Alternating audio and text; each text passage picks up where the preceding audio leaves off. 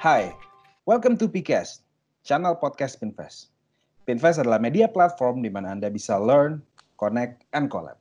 Saya Ingga Putra. Kali ini saya ditemani oleh partner saya dari Pinvest. Halo Mbak Monik. Halo Ingga, ketemu lagi kita. Hai. Dan pastinya kita juga mengundang narasumber yang bisa memberi inspirasi dan menambah wawasan. Siapa beliau? Beliau adalah founder dari Evo Co. Dan beliau juga masuk Forbes 30 Under 30 di tahun 2020. Selamat sore, Mas David Christian. Halo, selamat sore. Selamat sore Mas David. Iya. Obrolan singkat seputar WFA kita ini dilakukan uh, saat berada di lokasi di lokasi masing-masing ya guys, sesuai dengan anjuran pemerintah soal physical distancing.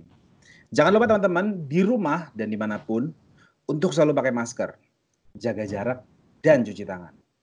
Senang banget nih kita bisa ngobrol-ngobrol sama narasumber kali ini. Muda, bertalenta, inspiring, filantropis, dan punya segudang prestasi.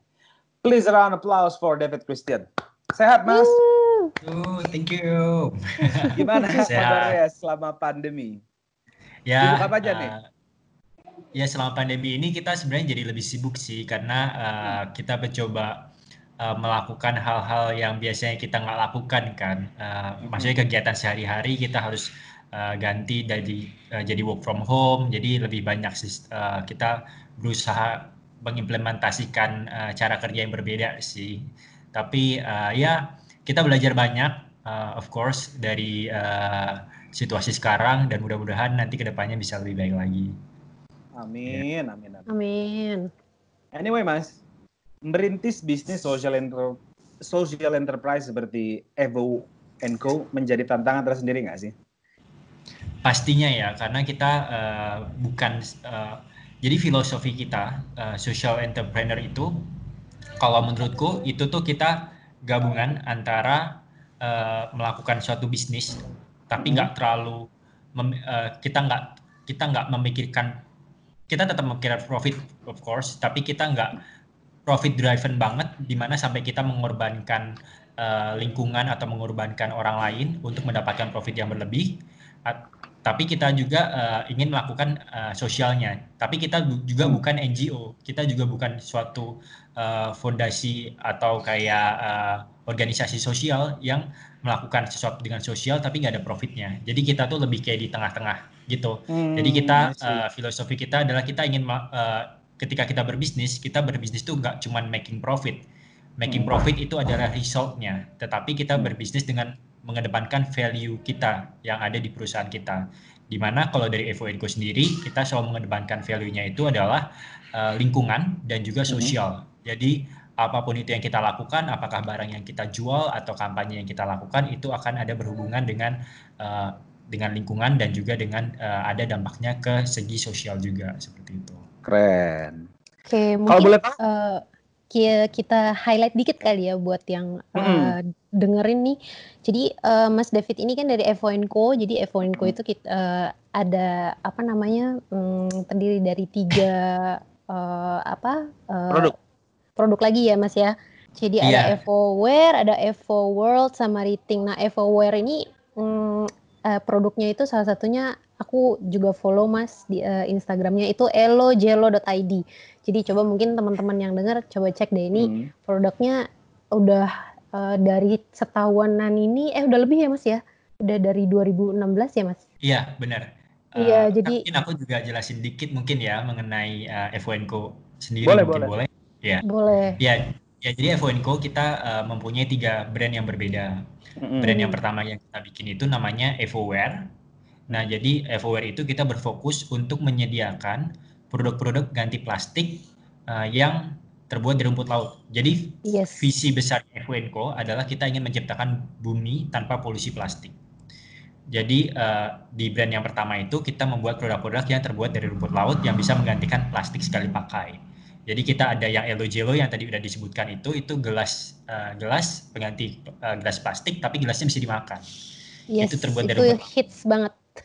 Ya, terus kita ada produk kita yang kedua juga eh, itu eh, packaging untuk menggantikan eh, packaging saset eh, gitu, kayak saset bumbu instan atau saset kopi, saset sabun apa segala macam gitu. Itu eh, terbuat dari rumput laut. Itu bisa dissolve di air dan bisa dimakan juga. Jadi kalau misalnya buat uh, saset mie instan itu nggak perlu dibuka lagi tuh sasetnya bisa langsung kayak dikasih air panas habis itu bisa langsung dimakan seperti itu. Hmm, Oke, okay. ini yang ya, si Elo Jello ini mas termasuk di Elo Jello ini. Jadi Elo Jello itu gelasnya. Hmm. Kalau yang uh, saset itu kita manggilnya sweet base packaging aja sih. Oke. Okay. Gitu. Tapi itu ada F-Word brand. Nah, kita ada brand kita yang kedua, itu kita launching 2019 kemarin. Itu hmm. namanya Evo. Jadi Evo itu kita menyediakan alternatif Evo, plastik. Mohon maaf tadi Evo Word. Evo Word. Evo Word. Nah, Oke. Okay. Ya. Nah, Evo Word itu kita menyediakan uh, solusi lain yang terbuatnya bukan dari rumput laut bahan bakunya. Jadi kayak misalnya kita ada kantong kresek dari singkong, kita ada hmm. kotak oh, iya. makanan dari ampas tebu, kita hmm. ada sedotan bisa dimakan juga sedotannya itu dari beras seperti itu. Jadi kita menyediakan hmm. solusi-solusi lain yang enggak terbuat dari rumput laut. Nah setelah itu kita juga ada kampanye kita sendiri nih namanya Rethink Campaign. Jadi kita hmm. lebih mengajak orang untuk berpikir ulang mengenai penggunaan plastik. Jadi ketika kita uh, ketika kita kerjasama dengan uh, klien kita pun kita nggak hanya sekedar menyediakan produk atau menjual produk, tapi kita juga mau mengedukasi customer itu atau kayak uh, customer dari klien kita itu untuk kenapa sih mesti ganti dari plastik gitu. Ada alasannya sendiri dan juga kita bisa uh, bikin kampanye bareng-bareng uh, dari Rethink Campaign itu seperti nanam pohon atau kita hmm. bikin drama musik, kita bikin loading run, jogging sambil ngikutin sampah gitu. Uh, kita bikin banyak aktivitas sih di situ untuk raise awareness. Okay. Yes, aku lihat juga nih di Instagramnya Rethink Campaign ya. Iya, kalau kita mampir ke IG-nya Evoware kan suka ada tuh ya, KV, Key Visual dengan tulisan Rethink. Itu apa yang dimaksud dengan sebuah ajakan? Iya, jadi uh, kalau kan karena yang kita lihat adalah mm-hmm. untuk uh, mengurangi polusi plastik ini kan ada yang itu ada yang 3R itu kan. Hmm. Reduce, reuse, recycle. Yes. Dan uh, kalau yang kita lebih ke replace, revert. Jadi kita menggantikan plastik itu, uh, jadi kita men-prevent plastik itu happening in the first place kayak gitu. Jadi uh, cuman sebelum melakukan itu semua, uh, itu harus berasal dari diri kita sendiri kan. Kita harus berpikir ulang dulu mengenai penggunaan plastik ini. Setelah kita hmm. aware, kita berpikir ulang, kita oke, okay, kita mencoba mengurangi. Kalau misalnya uh, masih perlu pakai uh, misalnya sedotan gitu hmm. uh, kalau bisa dikurangin kurangin tapi kalau misalnya masih perlu pakai bisa pakai yang reusable mungkin ya kan hmm. atau uh, bisa pakai yang uh, seperti kayak uh, pengganti sedotan seperti yang dari kita yang dari beras sekali pakai tapi bisa dimakan hmm. dan bisa terdegradasi di alam atau enggak uh, kalau kalau tetap mesti pakai plastik itu harus di recycle kayak gitu. Jadi kita tapi itu semua berawal dari kita pertama kita harus berpikir ulang terlebih dahulu mengenai hmm. penggunaan plastik itu sendiri gitu. Oke. Okay. Hmm.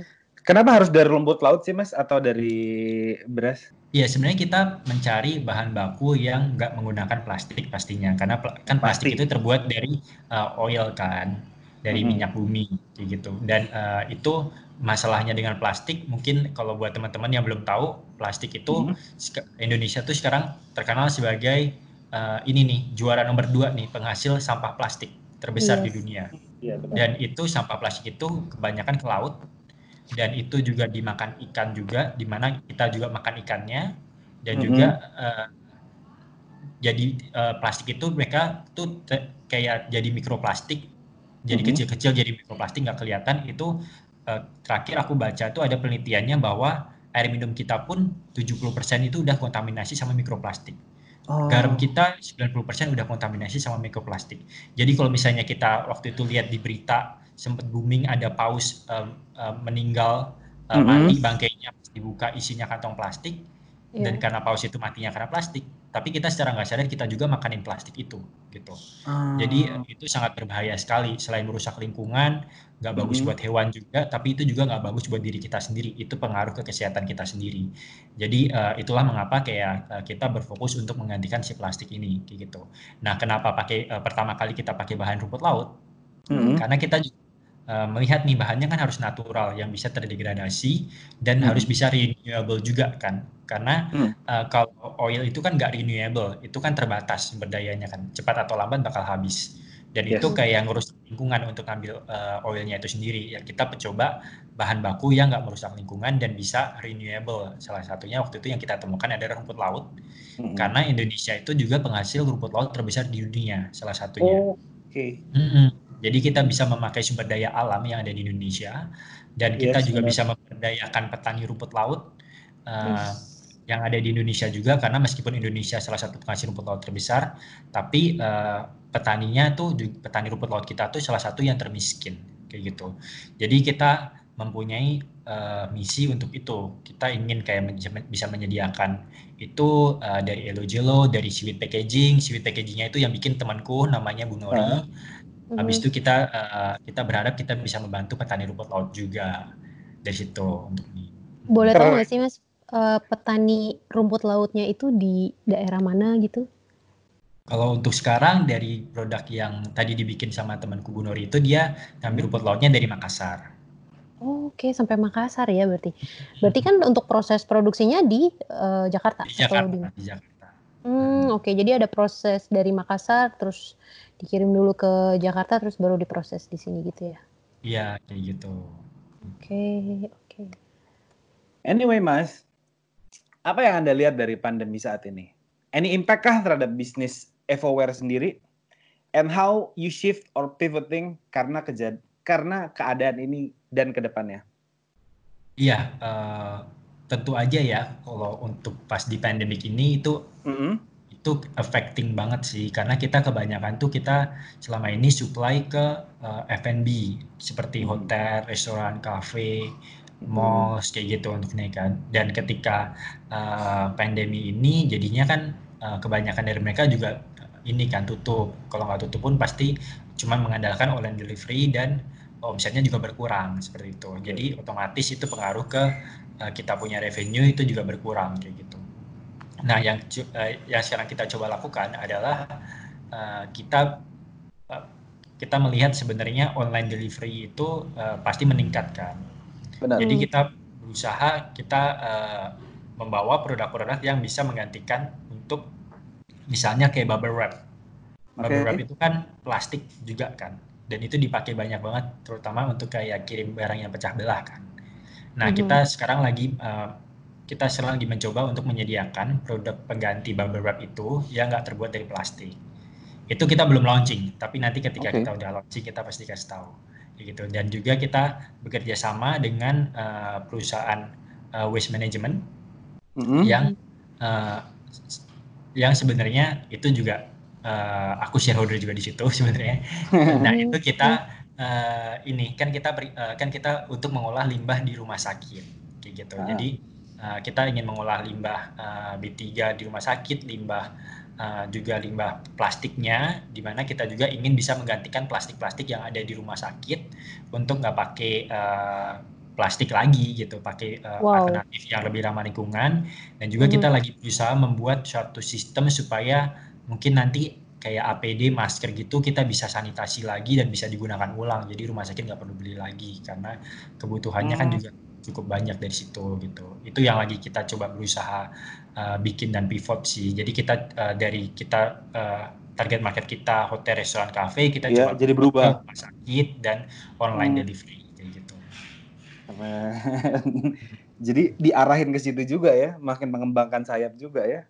Iya, makin mengembangkan sayap dan kita tetap uh, seperti balik yang tadi aku bilang, kita sebagai perusahaan kita nggak pernah kehilangan value kita. Jadi uh, meskipun hmm. pandemi gini, kita nggak jadinya terus jualan plastik atau jualan kayak uh, masker atau uh, apa pun itu yang masih ada plastiknya gitu untuk ini kan kita tetap berusaha oke okay, kita harus kayak mengurangi penggunaan plastik tetap kayak gitu jadi produk uh, selanjutnya yang kita inovasi yang coba kita bikin pun itu uh, untuk mengurangi itu untuk mengurangi plastik karena goalsnya oh. juga memang itu ya mengurangi plastik Keren Saya menggunakan ya. plastik banget nih mas, ampun deh. Jadi uh, apalagi kan uh, work from home gini ya, terus kita hmm. banyak sering uh, online shopping itu dari mulai bungkusnya, wrappingnya sampai ada yeah. kertas buat uh, apa uh, uh, tulis uh, form da dari dan untuk siapa itu diplastikin juga.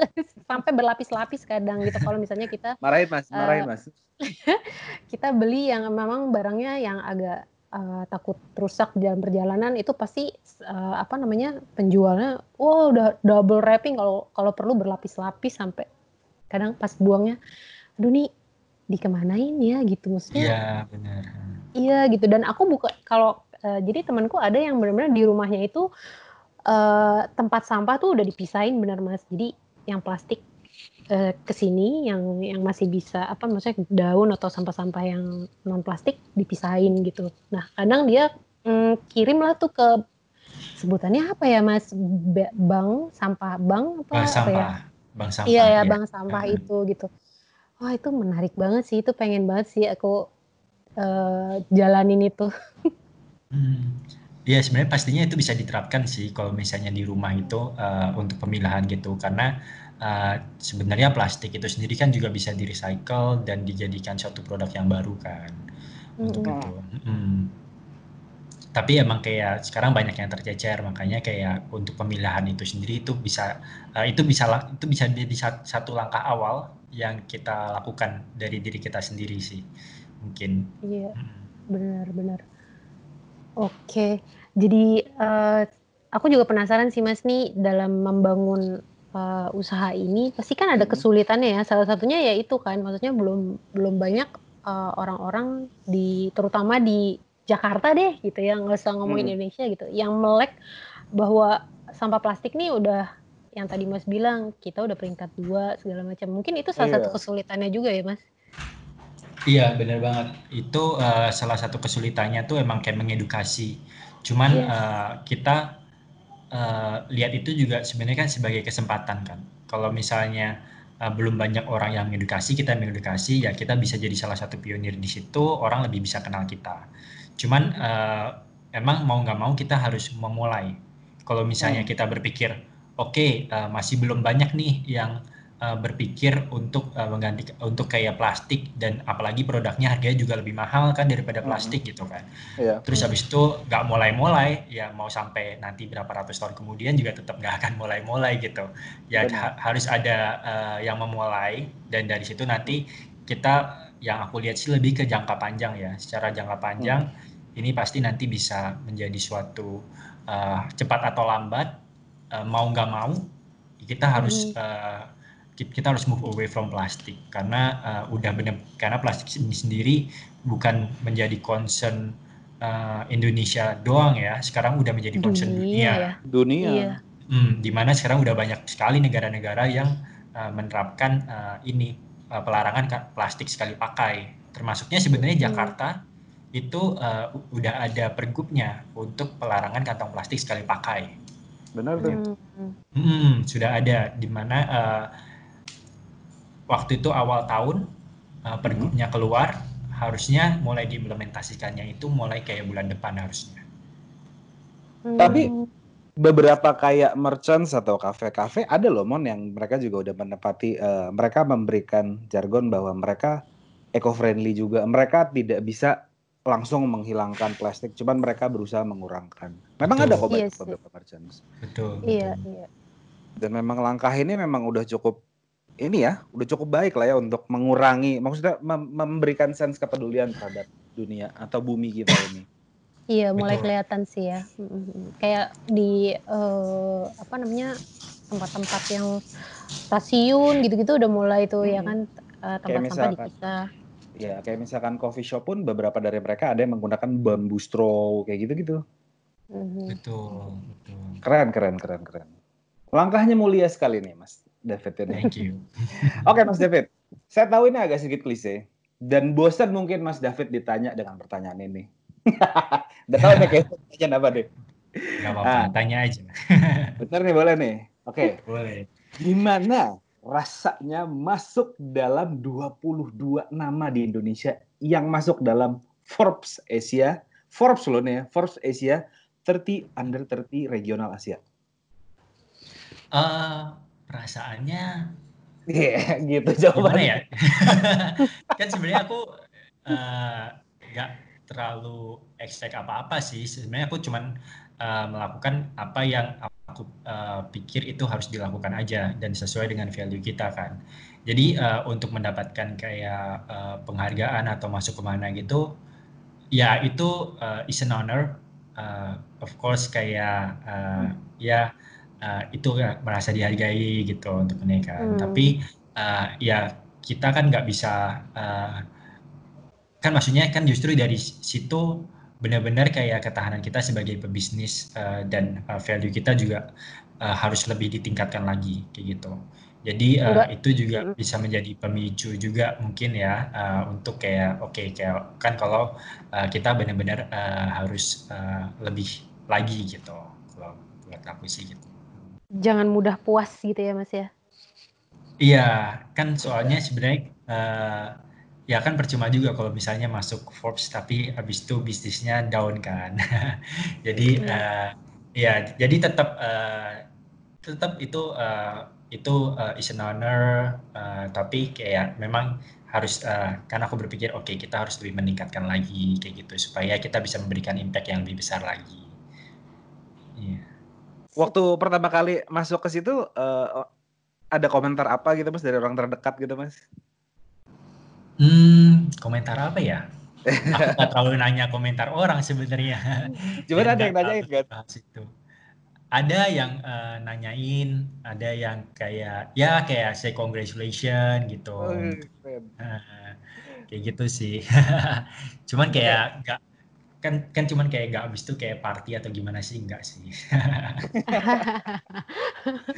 yeah. Anyway, hmm. Mas David, Mas David Christian ini idolanya siapa sih? Atau ada sosok nggak sih yang menginspirasi, yang menginfluence Mas David? Kayak misalnya ada, kan, pastinya. Siapa ada siapa? Pastinya. siapa? uh, sosok yang maksudku uh, uh, ya sosok yang uh, yang sangat menginspirasi sih kalau buat aku sekarang Elon Musk ya.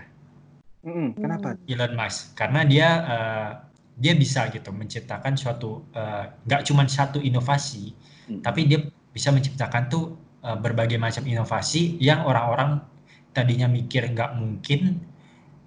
Jadi dia tuh nggak cuma menciptakan satu perusahaan atau satu inovasi yang menurut orang nggak mungkin tapi dia dia bikin kayak dua tiga empat lima perusahaan hmm. yang dia melakukan sesuatu yang nggak mungkin tuh lebih dari satu gitu kalau menurutku hmm. dan hmm. dia bisa uh, mengimplementasikannya itu bisa sampai uh, sekarang kayak yang kemarin uh, mungkin kalau misalnya ngikutin uh, Space uh, SpaceX sama NASA kan baru meluncurin itu kan uh, uh, roket pertama mereka yang dengan hmm. uh, dengan pilot manusianya itu itu menjadi seja, hmm. suatu sejarah juga gitu. Jadi hmm.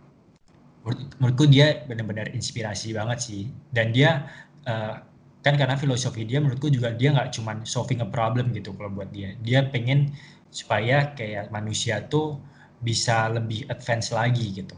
Gak hmm. cuman uh, gak nggak cuma so, about solving problem tapi menciptakan suatu yang baru yang baru yang benar-benar untuk masa depan manusia itu menurutku sangat menginspirasi sekali sih. Oke okay, keren keren. Oke okay, Mas David visi ke depan seorang David apa sih? Let's say for the next 10 years of your professional life. Apa yang Anda harapkan atau Anda mau achieve? Atau mungkin yang belum Anda achieve? Hmm, sebenarnya aku ada uh, kan aku sekarang ada beberapa uh, keinginan atau kayak suatu hmm. project gitu yang aku mau lakukan. Uh, Apa tuh? Dan uh, mungkin nanti aja pas udah uh, pas sudah launching. nah, cuman uh, itu tetap kayak berhubungan dengan uh, passion aku, uh, hmm. di mana passion aku kan memang di bidang lingkungan dan bidang di, uh, juga dan, dan juga di bidang sosial.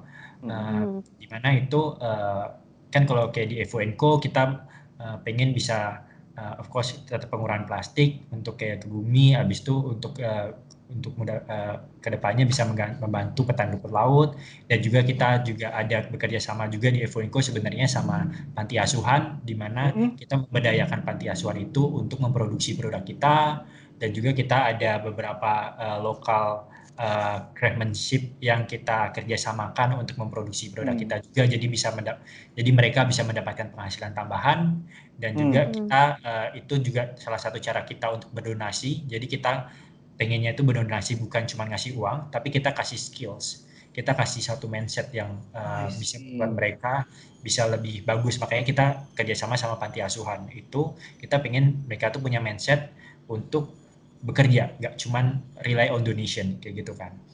Hmm. itu salah satu mindset yang kita uh, pengen bangun.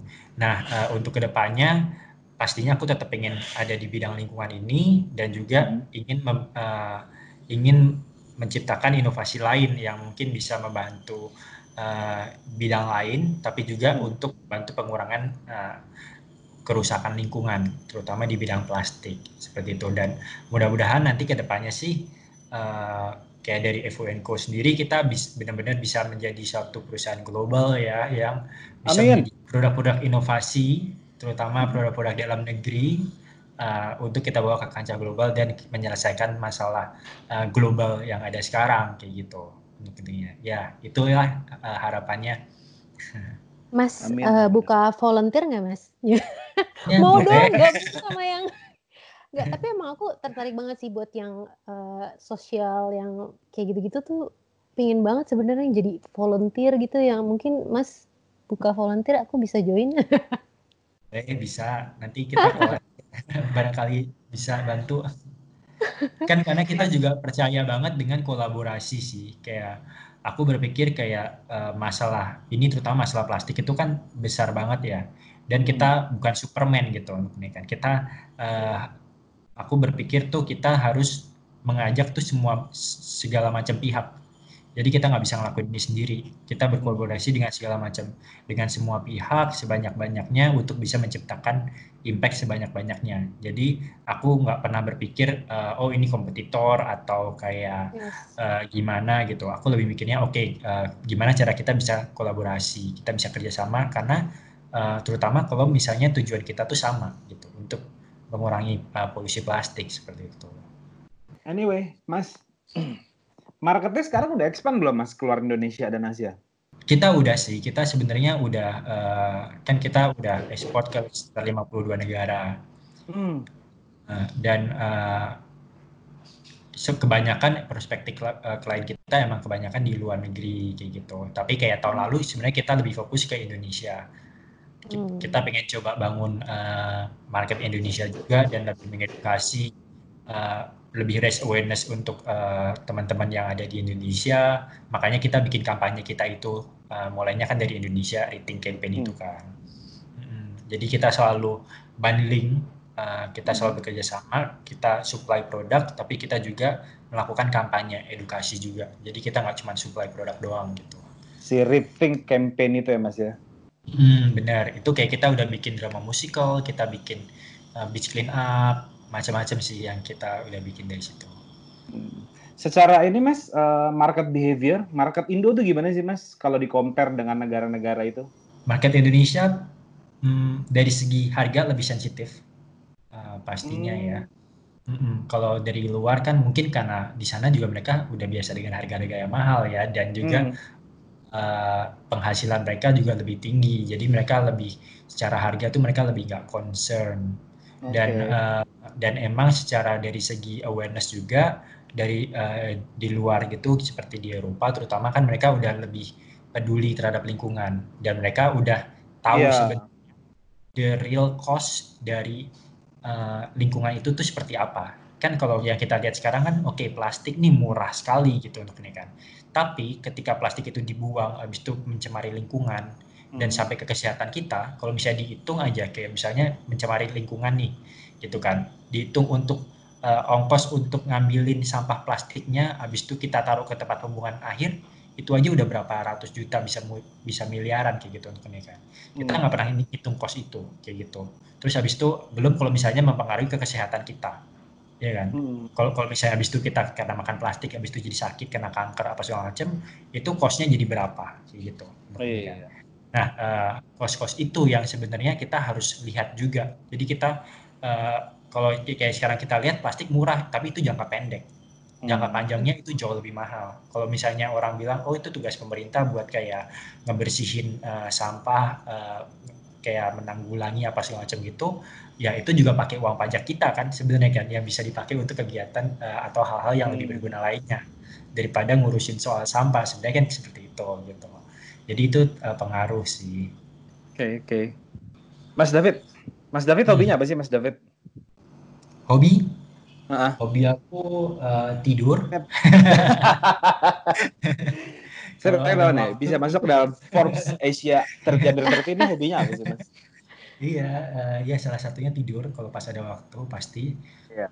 Kalau uh, kan karena uh, kadang-kadang jadwalnya kan cukup padat, jadi uh, suka susah. Kan aku tuh susah tidur gitu. Jadi kalau misalnya udah tidur tuh pengen tidur terus gitu. Jadi susah tidur susah bangun. jadi itu salah satu hobi. Main Mas David main game nggak? Aku enggak. Aku dulu pas aku SMA main game. Aku suka baca buku juga, nonton film tapi uh, kalau misalnya ada waktu luang, aku memang biasanya lebih pakai untuk istirahat aja sih. Tapi aku suka nonton TV, baca buku. Saya pengen tahu soalnya the other side of David Christian ini. iya iya. Iya. Kan kalau kalau kita lihat di apa namanya di di media gitu kan serius gitu kan ya. Serius Mas banget. David sosok uh, sosok yang uh, menginspirasi gitu ya. Enggak sebenarnya enggak sih, aku enggak serius, suka bercanda. Oke, Mas David. Punya pesan-pesan nggak untuk generasi muda? Untuk generasi muda kita? Punya pastinya. Uh, Apa dong? Buat generasi muda, menurutku kita kita tuh kan masih muda ya. Jadi uh, kita harus menemukan passion kita kalau menurut aku jadi passion kita apa? Kenapa kita mau melakukan apa yang kita lakukan? Kita tuh harus mulai dari situ dulu. Karena menurutku kebanyakan orang atau kebanyakan perusahaan itu atau misalnya anak muda mau mulai bisnis itu yang mereka lihat pertama kali itu apa? Mereka yang pertama kali lihat itu adalah what apa ap, apanya kan yang pertama kali mereka lihat Benar. kan. Dan uh, nah terus habis itu kan kebanyakan habis itu mereka mikirnya tuh apa mereka cuma mau uh, make money sebanyak-banyaknya gitu. Hmm. Makanya kayak habis itu jadi ngikut-ngikut aja kayak gitu dan nggak punya value uh, mendasar gitu. Setelah mereka tahu apa, oke okay, mereka bisa tahu apa nih produknya apa, apa yang mau mereka lakukan kayak gitu kan. Habis itu kayak gimana uh, gimana produk itu berbeda atau gimana cara mereka melakukan hal yang mereka mau lakukan gitu untuk pernikahan. Okay. Tapi kayak sedikit dari perusahaan atau anak-anak uh, muda sekarang yang aku lihat tuh mereka nggak tahu kenapanya, kenapa mereka mau melakukan itu gitu dasarnya why-nya tuh apa gitu untuk ini. Hmm. Nah, karena mereka startnya dengan what, ya kan? Mereka startnya dengan apa? Menurutku kayak kita semua harus start dengan why. Kita harus start kenapa kita melakukan apa yang kita lakukan gitu. Kenapa kita mau bikin bisnis kayak gini? Hmm. Dan kenapanya itu harusnya bukan uang. Uang itu menurutku adalah uh, hasil. Money is a result menurutku. Hmm. Why-nya itu adalah ya value kita. Jadi begitu uh, kan kayak kan kalau misalnya why-nya adalah uang, yang kita lihat begitu uh, setahun dua tahun nggak ada hasilnya nyerah pasti kayak gitu kan. Padahal mungkin produknya bagus, padahal mungkin kayak idenya bagus, cuman belum timingnya belum pas. Dan untuk bikin bisnis itu sendiri kan perlu perjuangan juga kan. Kalau hmm. mereka cuman mikirnya uang, ya ujung-ujungnya ya mereka cuman compare habis itu dengan oh gue mendingan kayak kerja bisa dapat uh, uang lebih kayak gitu. Itu nggak nggak salah juga menurutku itu juga suatu uh, kan itu orang kan passionnya beda-beda menurutku itu nggak salah cuman kalau misalnya emang udah mau berbisnis menurutku itu harus sangat jelas sekali why kenapa kita melakukan kita mau melakukan apa yang kita lakukan jadi ketika keadaan susah terutama kayak sekarang karena pandemik atau apa kita balik hmm. lagi kita bisa ingat-ingat alasan utamanya nih kenapa kita melakukan apa yang kita lakukan kayak gitu kalau buatku adalah oke okay, uh, eh, ingin membuat bumi lebih baik dan juga membantu uh, orang sebanyak-banyaknya. Jadi ketika uh, jadi ketika keadaan susah, habis itu berpikiran untuk menyerah, aku pikir oke okay, kalau kalau misalnya aku nyerah berapa uh, berapa banyak uh, impact negatif yang harusnya bisa aku bikin positif jadi baik lagi ke sana gitu kan. Kan kayak misalnya kayak tahun lalu kita mengurangi 15 juta uh, plastik kayak gitu Terus kalau hmm. misalnya perusahaan ini tutup, oke okay, berarti berjuta-juta plastik itu juga bakal kembali lagi ke ini kan, uh, bakal jadi sampah kayak gitu. Habis itu kita uh, udah uh, udah kasih impact ke berapa banyak anak mati asuhan atau ke beberapa petani kayak gitu, atau ke karyawan-karyawan seperti itu, itu juga bakal hilang kayak gitu. Di mana itu mungkin nanti ke depannya mereka bisa jadi satu uh, bisa berubah hidupnya atau seperti apa itu kan kayak uh, nah dari situ sih aku mikirnya oke okay, berarti harus tetap uh, jalan terus nih kayak gitu. Jadi buat anak-anak muda menurutku kita harus temuin passion kita apa dan kita harus benar-benar persisten di situ Hmm. Dan uh, terutama karena kita masih muda sih. Dan kita masih hmm. muda, kalau yang buat masih single, belum ada tanggungan apa-apa, jangan sampai nanti kita ketika kita udah tua, udah uh, kakek-kakek, nenek-nenek gitu, habis itu kita nyesel kita nggak ngelakuin apa yang kita lakuin. Atau enggak, kalau misalnya kita punya ide apa, habis itu karena kita takut untuk melakukan itu, berpikir lebih nanti aja dulu, make money dulu atau gimana, terus ada, uh, terus habis itu ada orang lain yang melakukan ide itu, mereka cuma bisa bilang, oh itu ide gua dulu, kayak gitu. Tapi mereka nggak ada di situ, itu bakal menjadi suatu penyesalan yang sangat mendalam sih kalau menurutku sih. Jadi uh, menurutku ya itu harus uh, harus lebih berani dan juga uh, value itu yang paling penting dan itu harus dibawa terus why-nya itu itu aja sih keren keren uh, okay. jadi value and persistence itu perlu ya note Benar. Oke, okay, David Christian, seorang founder dari FONCO yang memiliki passion di lingkungan dan sosial. Mempunyai campaign yang namanya Rethink, yaitu tujuannya untuk mengedukasi manusia atau customernya untuk mengganti mengganti plastik. Iya kan, kurang lebih kayak begitu kan ya Mas ya? Iya, untuk raise awareness mengenai uh, isu lingkungan dan terutama isu plastik juga supaya kayak orang lebih sadar dan bisa take action sebenarnya. Gak harus beli produk kita, bisa kayak take action dengan nggak pakai plastik lagi, mengurangi penggunaan plastik atau apa pun segala macam itu. Ini penting. luar biasa. penting sekali, Mbak Monik. Ini penting sekali. Yeah. Jangan lupa dengerin ngobrol-ngobrol santai kita bersama narasumber yang menginspirasi serta menambah wawasan kita setiap hari Jumat. Dan jangan lupa juga kunjungi Pinvest di pinvest.co.id. Saya Ingga Putra. Saya Monik dan... Dan saya David. Kami undur diri. Jangan lupa teman-teman di rumah, di mana pun, untuk selalu pakai masker, jaga jarak, dan cuci tangan.